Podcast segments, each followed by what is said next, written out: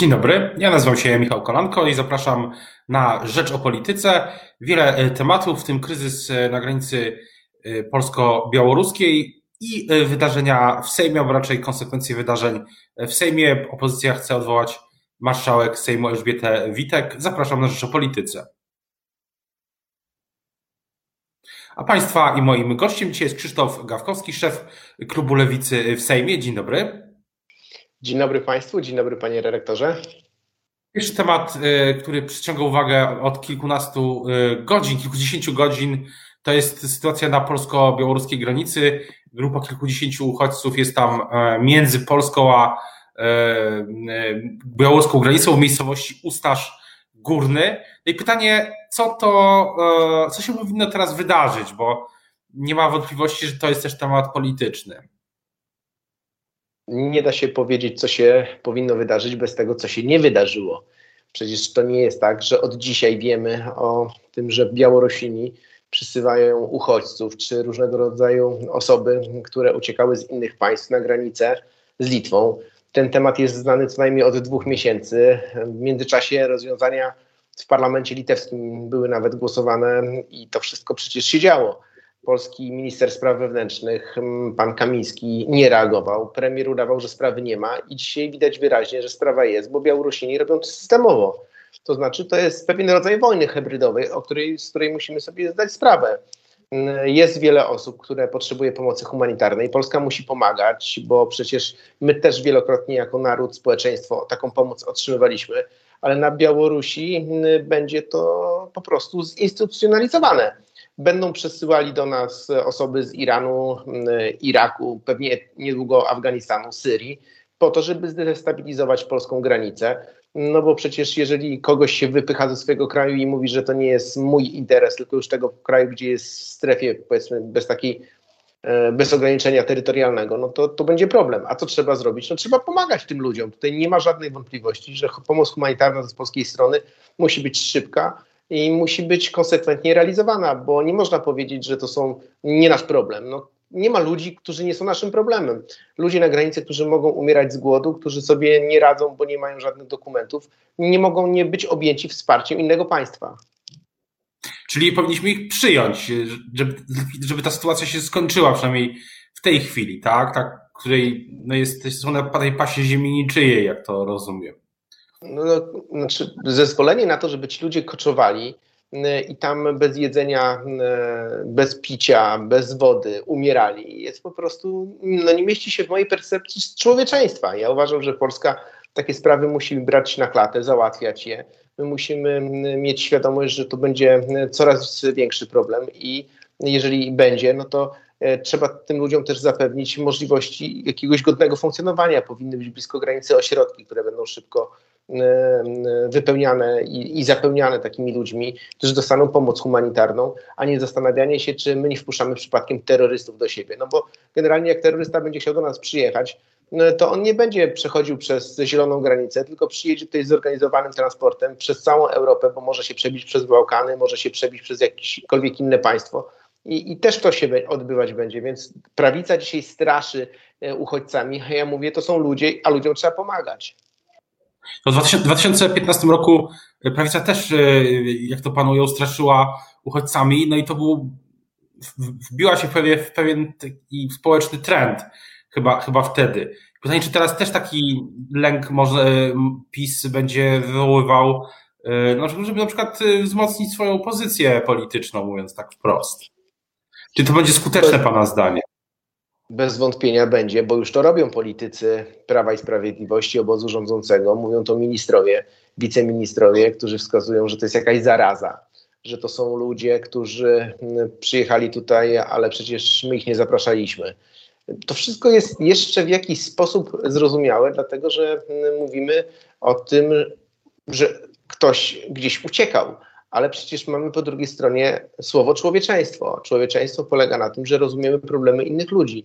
Spór, który od wielu lat toczy nas z panem Łukaszenką yy, i z Białorusią, jest sporem nie pomiędzy yy, odpowiedzialnym państwem, które będzie też wspomagało, mówię o Białorusinach jako rządzie, ale jest pomiędzy państwem rządzącym autorytarną ręką, który ma w tym interes. Destabilizacja polskiej granicy z Białorusią jest w interesie Rosji, jest w interesie Białorusi i oni z premedytacją będą tych ludzi tutaj przesyłali. Oni za to, słyszałem, biorą pieniądze. To znaczy, to jest tak, że to są zorganizowane grupy transportowe.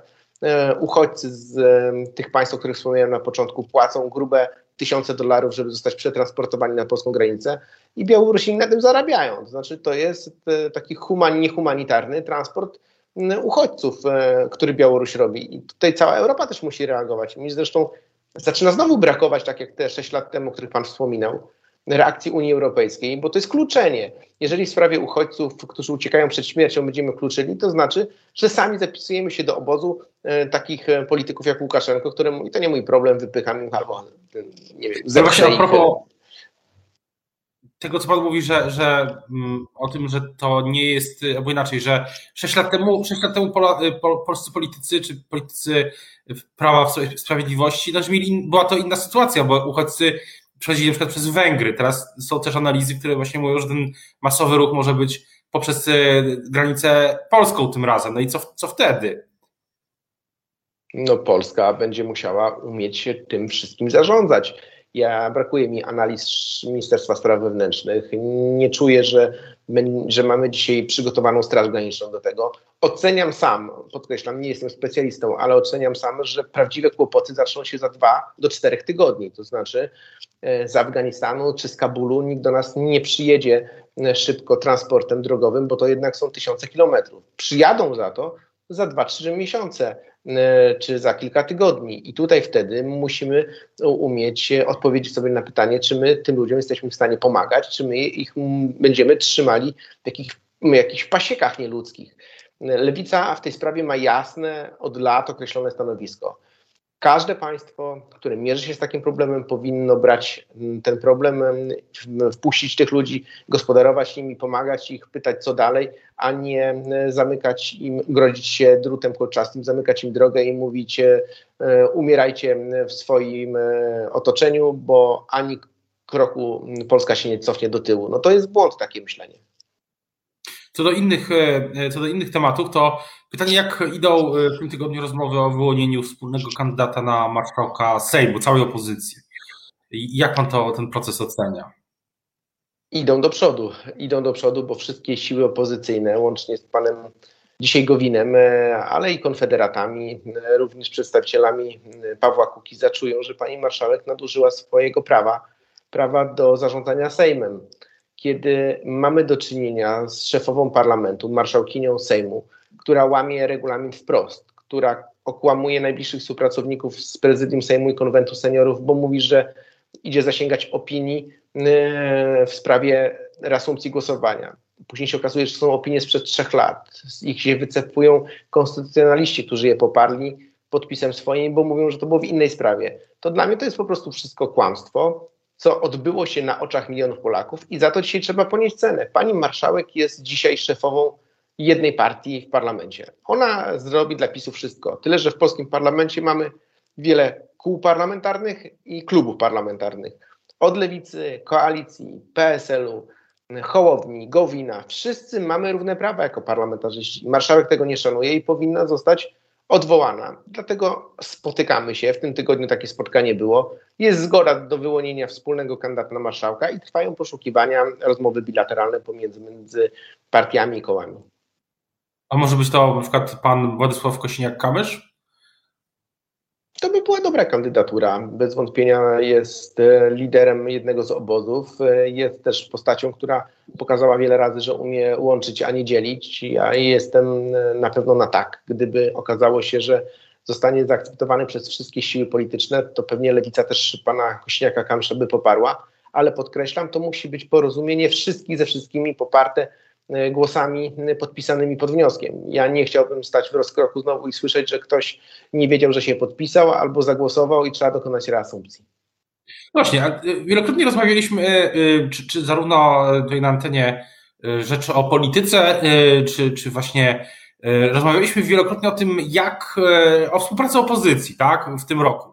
W różnych, nazwijmy to, konfiguracjach i różnych sytuacjach. Był Rzeszów, E, udało się wyłonić e, jednego kandydata, no ale były sytuacje, gdy ja miałem wrażenie i też e, politycy i lewicy i nie tylko mówili, że zaufanie zostało, było nadszarpywane.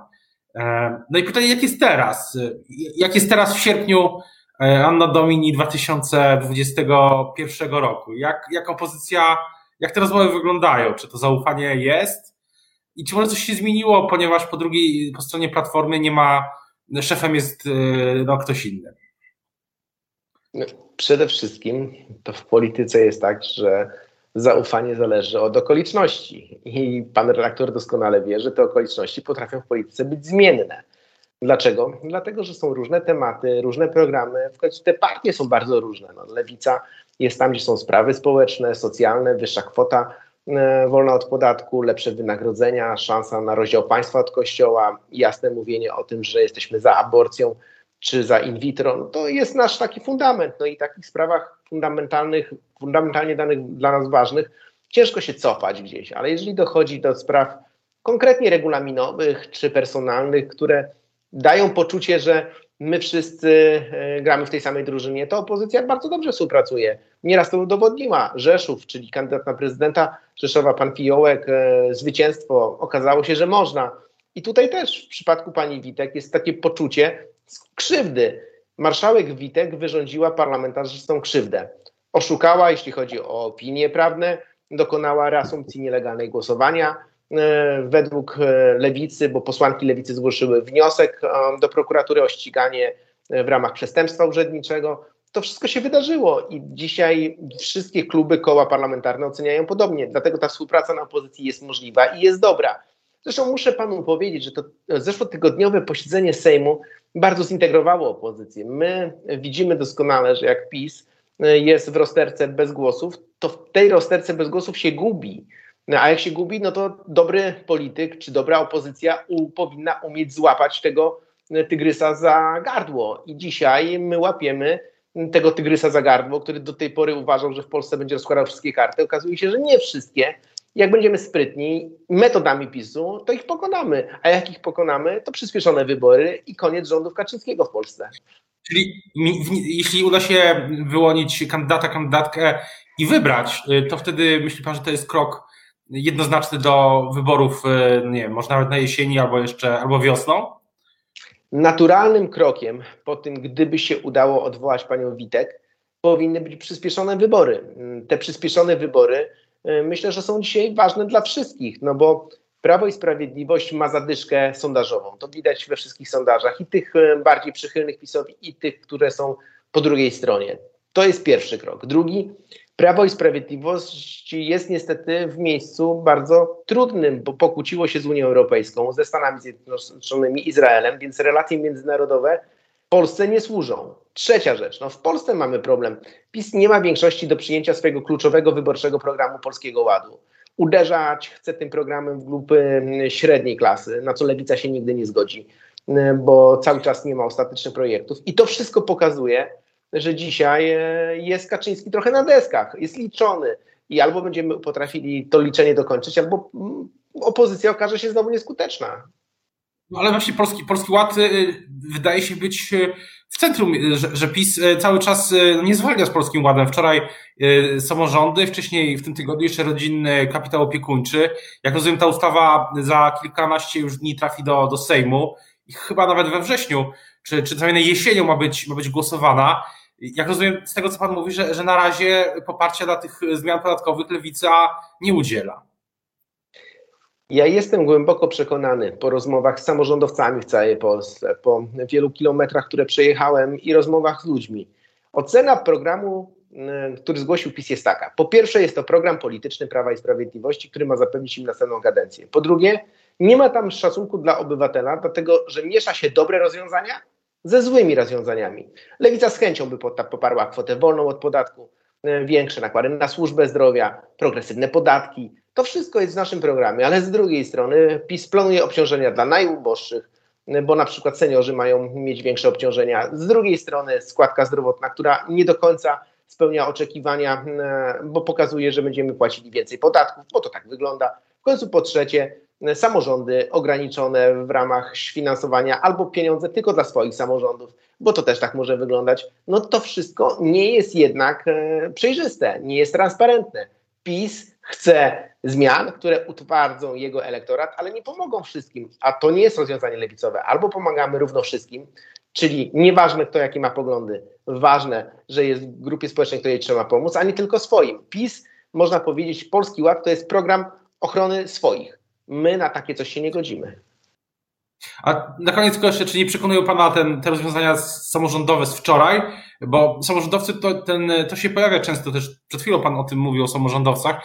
No a wczoraj premier Morawiecki, w którym jest 8, 8 miliardów złotych takiej dotacji wyrównawczej na, na poczet przyszłego roku, która ma jeszcze w tym roku do samorządowców trafić. To, to Pana nie przekonuje. I plus jakiś tam, plus dużo rozwiązań stabilizacyjnych, zmiany tam w regułach fiskalnych samorządów, e, i, I ta cała subwencja rozwojowa, która ma być już stała, plus, plus ten kolejny program inwestycyjny, czyli ten rządowy fundusz inwestycji e, strategicznych Polski Ład, tak to się chyba nazywa. Więc e, to pana nie przekonuje jako taka mm, no, coś, co idzie naprzeciw też postulatom samorządowców i opozycji?